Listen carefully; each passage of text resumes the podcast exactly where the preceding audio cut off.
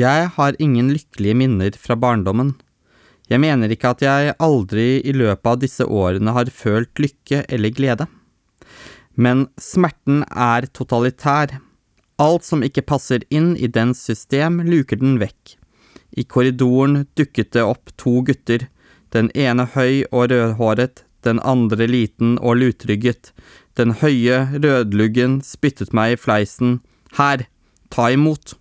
Spyttklysen rant langsomt nedover ansiktet mitt, gul og tyktflytende, lik det surklende slimet som tetter igjen strupen på gamle eller syke mennesker, med en sterk og kvalmende lukt. Den fingrende latteren til de to guttene, se, horeungen har trynet fullt, den renner fra øyet og ned til leppene, og helt inn i munnen. Jeg tør ikke tørke det bort. Jeg kunne ha gjort det, det hadde bare vært å bruke ermet brøkdelen av et sekund, en ørliten håndbevegelse ville vært nok til å hindre spyttklysen i å nå leppene, men jeg gjør det ikke av frykt for at de skal bli fornærmet, hisse seg enda mer opp. Dette her er innledningen på Edvard Louise sin roman Farvel til Eddie Begull og den er tema for dagens podkast i serien Bøker og blomster. Meg kan du kalle Kamerat E. Vi har jo vært i Frankrike før eh, i denne podkastserien, blant annet når vi tok for oss eh, Albert Camus' forfatterskap. Denne gangen her skal vi til det moderne Frankrike, og vi skal få tatt del i en oppvekstskildring, en rå selvutleverende, realistisk skildring av eh, et klassedelt Frankrike. Et eh, samfunn hvor det å skulle skille seg ut, det å være annerledes, det å være homofil, det å være skeiv, er en stor utfordring. Vi skal dykke ned i skyggesiden av industrisamfunnene i det nordlige Frankrike et område vi sjeldent hører noe om i media. Et område som er som en mørk flekk eh, på turistens bevissthet når reisemålet er Frankrike. Og et av de områdene hvor Front National og Marine Le Pen og fascistene i Frankrike de senere år har gjort stor suksess i valg etter valg. Kanskje ser vi her også litt årsakene til denne skumle trenden nettopp i beskrivelsene av et klassesamfunn eh, hvor, kall det arbeiderklassen, har blitt forlatt i sin egen elendighet, glemt av elitene, men også med en egen eh, intens trang til å også undertrykke de som har større drømmer og visjoner enn det å arbeide nok en dag på fabrikken. Edvard Louise het selv tidligere i livet Eddie Begøll.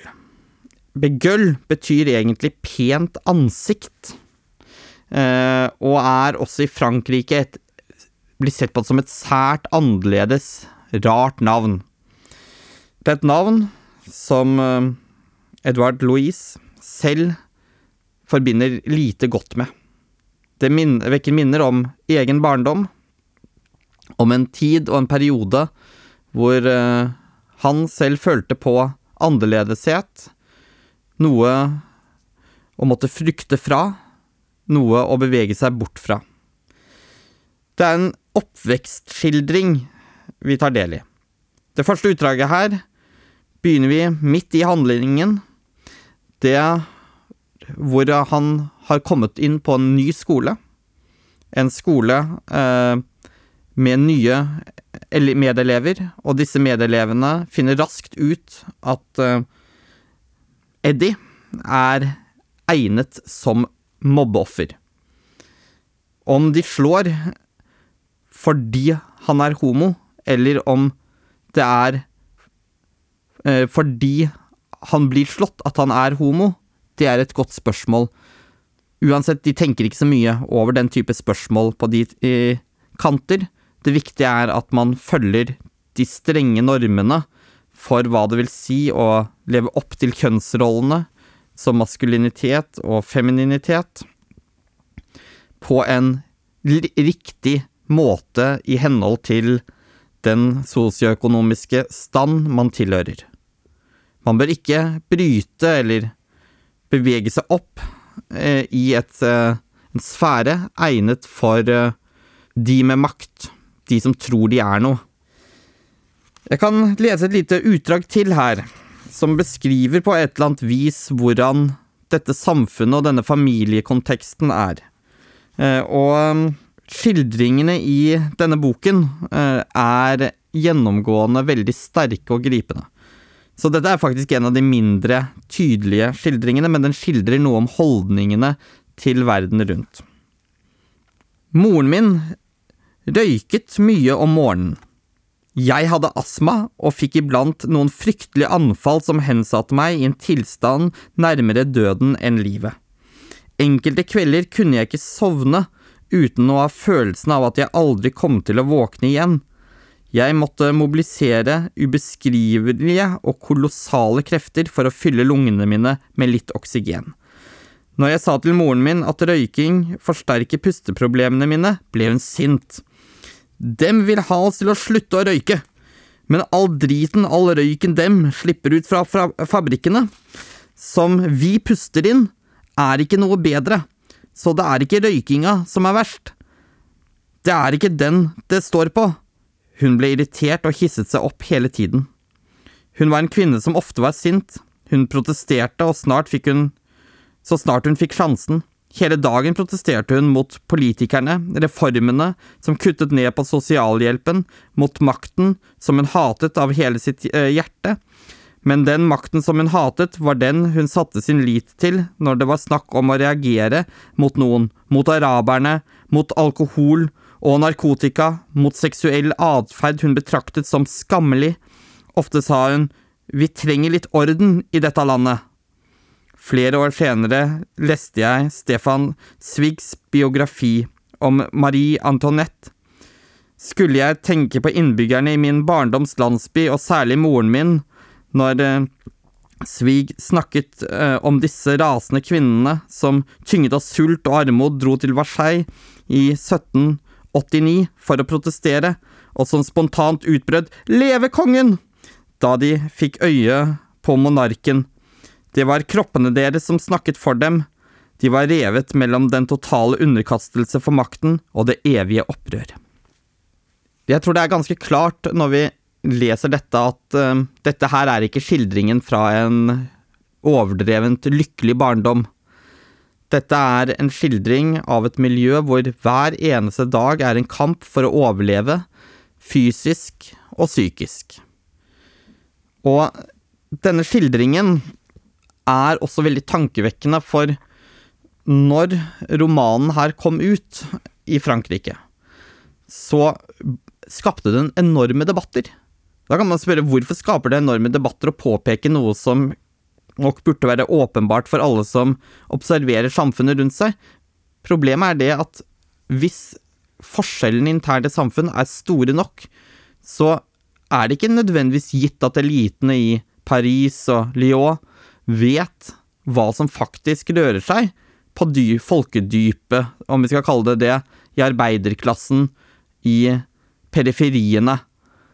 Det er ikke nødvendigvis slik at erfaringene eh, og verdensbildet som eh, de lever etter der, er det samme som de som lever øverst i samfunnet, lever i.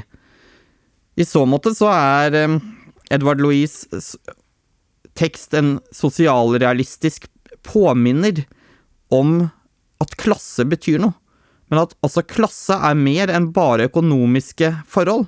Klasse gir ikke automatisk eh, den effekt at folk blir liksom eh, marxister med heia Mao eh, som slagord og gjør revolusjon. Snarere tvert imot ser vi her at det nettopp er en arbeiderklasse som også kjemper imot mange av de verdiene som ofte fremstilles som liberale eller sosialdemokratiske, progressive i samfunnet. Enten det er likestilling, liberale holdninger til innvandring, miljøpolitikk, eller som i tilfellet med røyking, folkehelse. Det er også flere andre beskrivelser av hvordan dette, eh, disse samfunnsstrukturene påvirker. Hvordan frykten og hatet og forakten for eliter er gjennomgående i dette arbeiderklassesamfunnet, i denne landsbyen. Det er veldig tydelig når det kommer til beskrivelser av hvordan de på den ene siden drikker seg fulle, samtidig med den totale forakt og livreddhet for enhver form for drukkenskap og ikke minst narkotikamisbruk. Vi ser det i paradokser om frykten for volden som skal komme inn med innvandrerne, spesielt i byer hvor det knapt nok fins noen som kan kalles innvandrere. Det er frykten for storbyen, det er frykten for storkapitalen, det er frykten for alle de mektige. Samtidig er det avhengigheten til nettopp alle disse mektige. De lever på statens nåde, de lever på kapitalens nåde. Det er staten som gir dem trygd, rett nok altfor lite til at de kan klare seg, men allikevel det er staten som gir dem trygd. Og det er presidenten som kan vokte dem eventuelt mot alle farene der ute i verden. En veldig interessant egentlig beskrivelse som på mange måter eh, er ganske håpeløs. Det er en roman hvor du flere ganger sitter med en følelse at finnes det noe håp i denne verden? Og Det er da man tenker på at denne romanen også er eh, har klare selvbiografiske trekk. Og hvis vi nå kjenner litt til forfatteren, Edward Louise, så vet vi at vedkommende i dag har en av dem som har blitt privilegert i Frankrike og nettopp gjennomført en klassereise, hvor nettopp doktoravhandling en, hans omhandler det å gjennomføre en klassereise. Det er nesten noe litt paradoksalt i det premisset. Men for karakteren i denne romanen så er drømmen å komme seg bort. Det er en drøm som blir forsøkt nektet. For det finnes noen få lyspunkter, eh, og det er alltid noen som legger til rette for andre måter å uttrykke seg på. Tidlig så gjør denne karakteren Eddie Begull opprør mot faren, som for øvrig da er både litt voldelig og relativt alkoholisert. Mye på grunn av at faren hans igjen var enda mer voldelig og enda mer alkoholisert og drakk seg i hjel. Eh, sånt går visst i arv i denne landsbyen. Men opprøret kommer i form av eh, å nekte å spille fotball. Eh, bli dratt ut til fotballbanen kveld etter kveld, for så bare Nei, jeg vil ikke spille. Det handler om å i stedet for fotball insistere på at dans er en fin måte å trene kroppen på. Og ja, til en viss grad blir det jo, kanskje uten at jeg skal røpe for mye, nettopp det lille frøet som ligger av optimisme i dans, kombinert med det å gjøre det faglig sett ok på skolen, eller faktisk veldig bra på skolen, i hvert fall relativt til medelevene, som er en vei ut fra det som ellers er et trøsteløst eh, fangenskap uten fremtid. Midt oppi alt dette så erfarer også karakteren sin egen skeivhet, sine følelser, sin, seksual, uh, sin seksualitet. Siden denne romanen er gjennomgående mørk, så kan jeg si at det er også mange tragiske eksempler på den veien.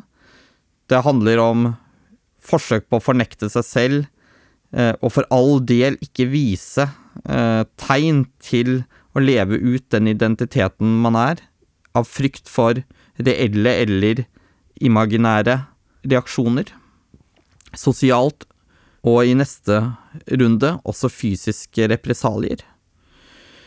Samtidig er det en fortelling om å også finne en vei til mestring i et håpløst miljø, og i så måte så har den mye av oppvekstromanens karakter.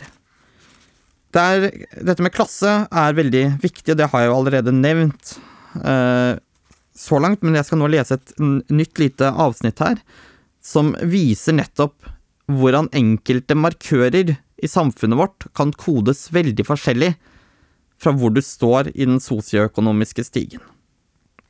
Andre ganger, når vi ikke hadde penger, spiste vi fisken som faren min hadde fisket. Han hadde alltid fisket, det var en lidenskap, gutter drev med fiske eller jakt. Han dro ofte ut og fisket, i tjernene i nærheten av landsbyen, særlig etter ulykken på fabrikken som førte til at han mistet jobben. Han tok med fisken hjem, og moren min renset den før hun la dem i fryseren, innpakket i avispapir eller plastposer fra supermarkedet.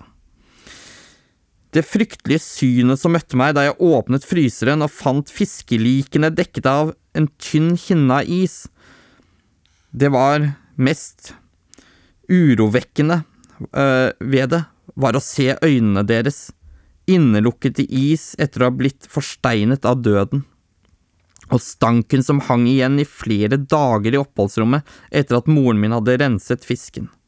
Mot slutten av måneden, når foreldrene mine ikke hadde penger til å kjøpe kjøtt, spiste vi fisk flere dager i strekk. Det var en slik min avsmak for fisk oppsto. Den dag i dag blir jeg kvalm av denne retten som verdsettes så høyt i de miljøene jeg ønsker å bli en del av. Igjen et sånt eksempel på veldig den tydelige hvordan noe, i dette tilfellet ferskvannsfisk, blir kodet som en del av smerten, fattigdommen, fangenskapet i egen familie, men på den andre side blir sett på som noe fint, delikat, luksuriøst i eh, overklassemiljøene, de intellektuelle miljøene, og ikke minst kunstnermiljøene i storbyene.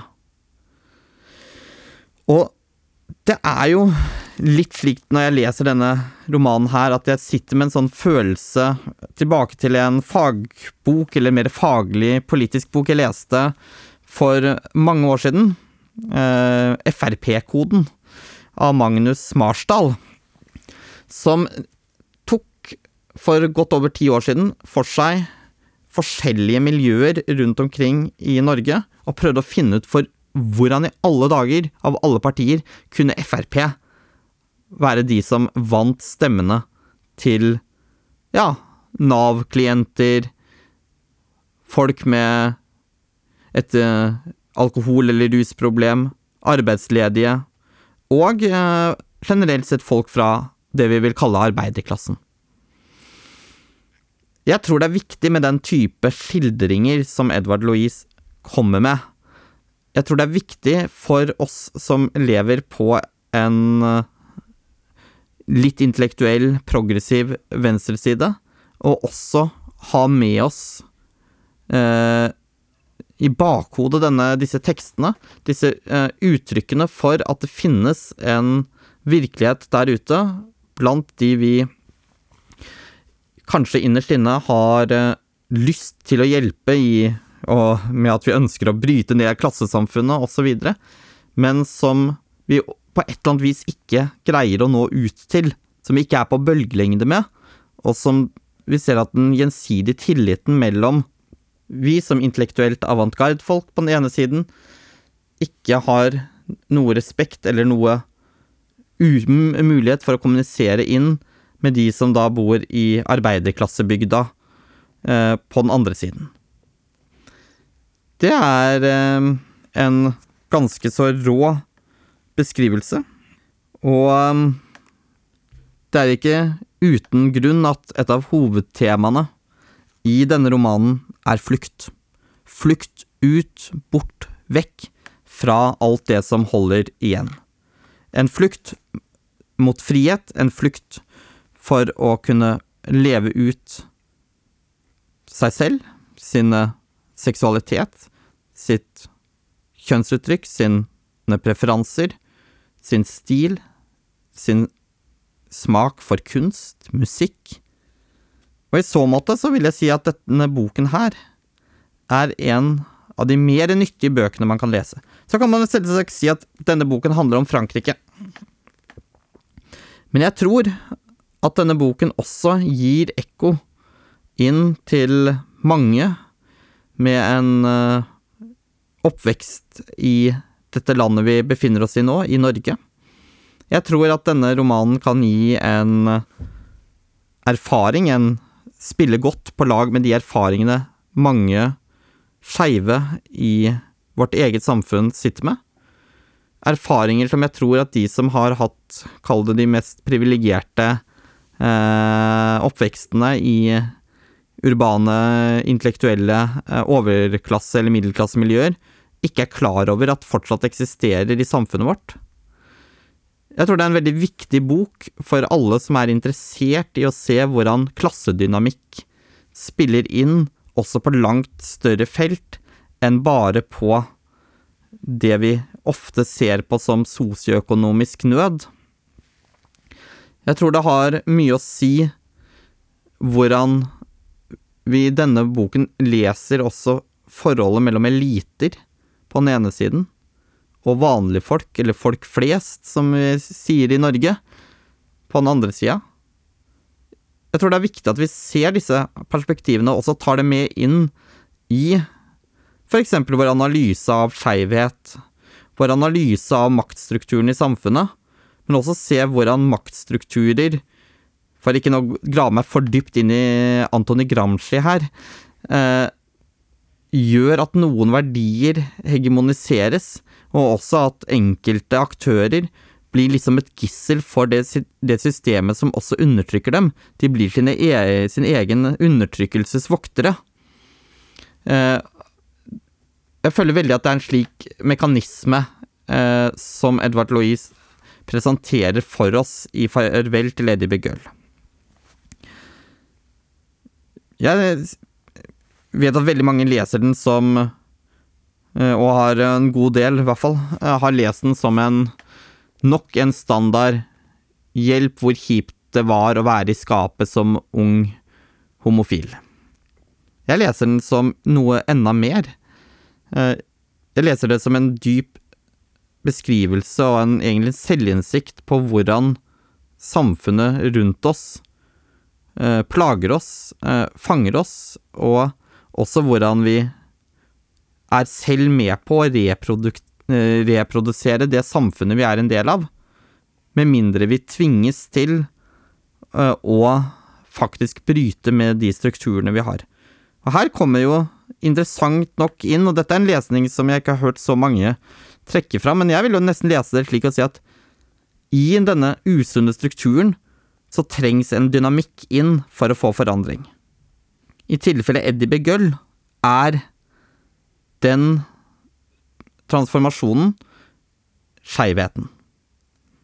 Det som gjør at det blir umulig å være en del av det samfunnet lenger, men som også da gir en mye større frihet enn de andre søsknene, fetterne, kusinene, tantene, onklene opplever å kunne få innen den verden og det systemet de er fanget av. I så måte så kan vi si at skeive her er med på å bryte klassedynamikken, bryte konformiteten, men også da muliggjøre en klassereise, som for de andre ville vært umulig, fordi de rett og slett ville vært for enkelt å ikke gjøre et opprør med de strukturene som er rundt. Da de sosiale sanksjonene snarere ville forsterke den allerede forutsbestemte, planlagte vei mot fabrikkens port, som de var på vei inn i fra før av. Eller den fabrikkporten er jo bare et midlertidig steg, da så blir du skadet, begynner å drikke, og så er du ned i elendigheten. Eh, I hvert fall slik det beskrives at eh, dynamikken er i denne romanen. Så da tror jeg vi er i ferd med å kunne konkludere med en del av de trådene. Jeg har snakket mye om klasse. Og det er fordi at jeg leser klasse som et av de viktigste analysepunktene i denne romanen. Jeg vil definitivt anbefale eh, romanen til dere alle. Nå er det jo sommertid, i hvert fall nå som vi spiller inn denne podkasten. Eh, og det å ha med seg, jeg holdt på å si en, lett lektyre eh, Den er i hvert fall lettere enn massive bøker om teori, eh, og du kan få samme utbytte av den. eh, med seg ut, enten du skal på reise, hvis det er mulig denne sommeren her, eh, eller på stranda, det er fortsatt lov, eller i skogen med hengekøye, så er den en kjempekjekk liten bok. Hvis du leser litt fort, så leser du den på en dag eller to, men du vil bruke en uke, minst, på å bearbeide alle inntrykkene fra den. Dette er ikke nødvendigvis en roman som du blir meget glad av å lese, men det kan hende at du tenker tanker som på sikt vil gjøre deg mer fornøyd, og ikke minst inspirere til å arbeide konstruktivt for en bedre verden. Det er i hvert fall mitt håp. Så vil jeg jo nå, siden denne podkasten her kommer ut i juni 2021, også drive med litt markedsføring på slutten. Når du nå har hørt såpass lenge, så vil du sikkert eh, også kunne greie det, og lytte litt til. For vi har en liten festival. Sodd, eh, oppkalt etter den trønderske nasjonalretten. Eller nei da. Skeive opprørsdager. Eh, det er en forkortelse. Eh, som eh, er eh, en årlig festival eh, på de datoene hvor Stonewall-opprøret i 1979 skjedde i New York. En av de viktigste begivenhetene i moderne skeiv historie. Mange sier det er utgangspunktet for den hele den moderne pride-bevegelsen, eksempel. Jeg vil anbefale dere alle sammen som har mulighet til å delta på den festivalen. Jeg vil også anbefale den tekstsamlinga som Bråkmakeren eh, er i ferd med å gi ut, og som eh, vil bli lansert til denne festivalen. For jeg tror at det er viktig at man setter seg inn i skeive temaer. Eh, jeg tror det er viktig at man ser skeive temaer opp mot ideologi, mot samfunnsutvikling, mot store begreper som klasse, frihet, eh, individualitet, eh, kollektiv eh, identitet etc., etc. Jeg tror det er veldig viktig at vi alle sammen fordyper oss i disse temaene, også nå som det er fint vær og sommer og sol. Da tror jeg vi er mye bedre rustet når høsten kommer og hverdagslivet venter. Så med det så vil jeg takke for din oppmerksomhet, kjære lytter. Jeg vil rette en særskilt stor takk til Nyhavna Studio, som nok en gang har utstyrt eh, meg med altfor godt utstyr for en så eh, ring eh, podkast som den jeg bedriver her. Jeg har en stor takk til kamerat Felix for å ordne alt det tekniske og redigeringen av lydfilen i etterkant. Meg, som vanlig er altfor snakkesalig, meg kan du kalle kamerat E. Takk for at du lytta.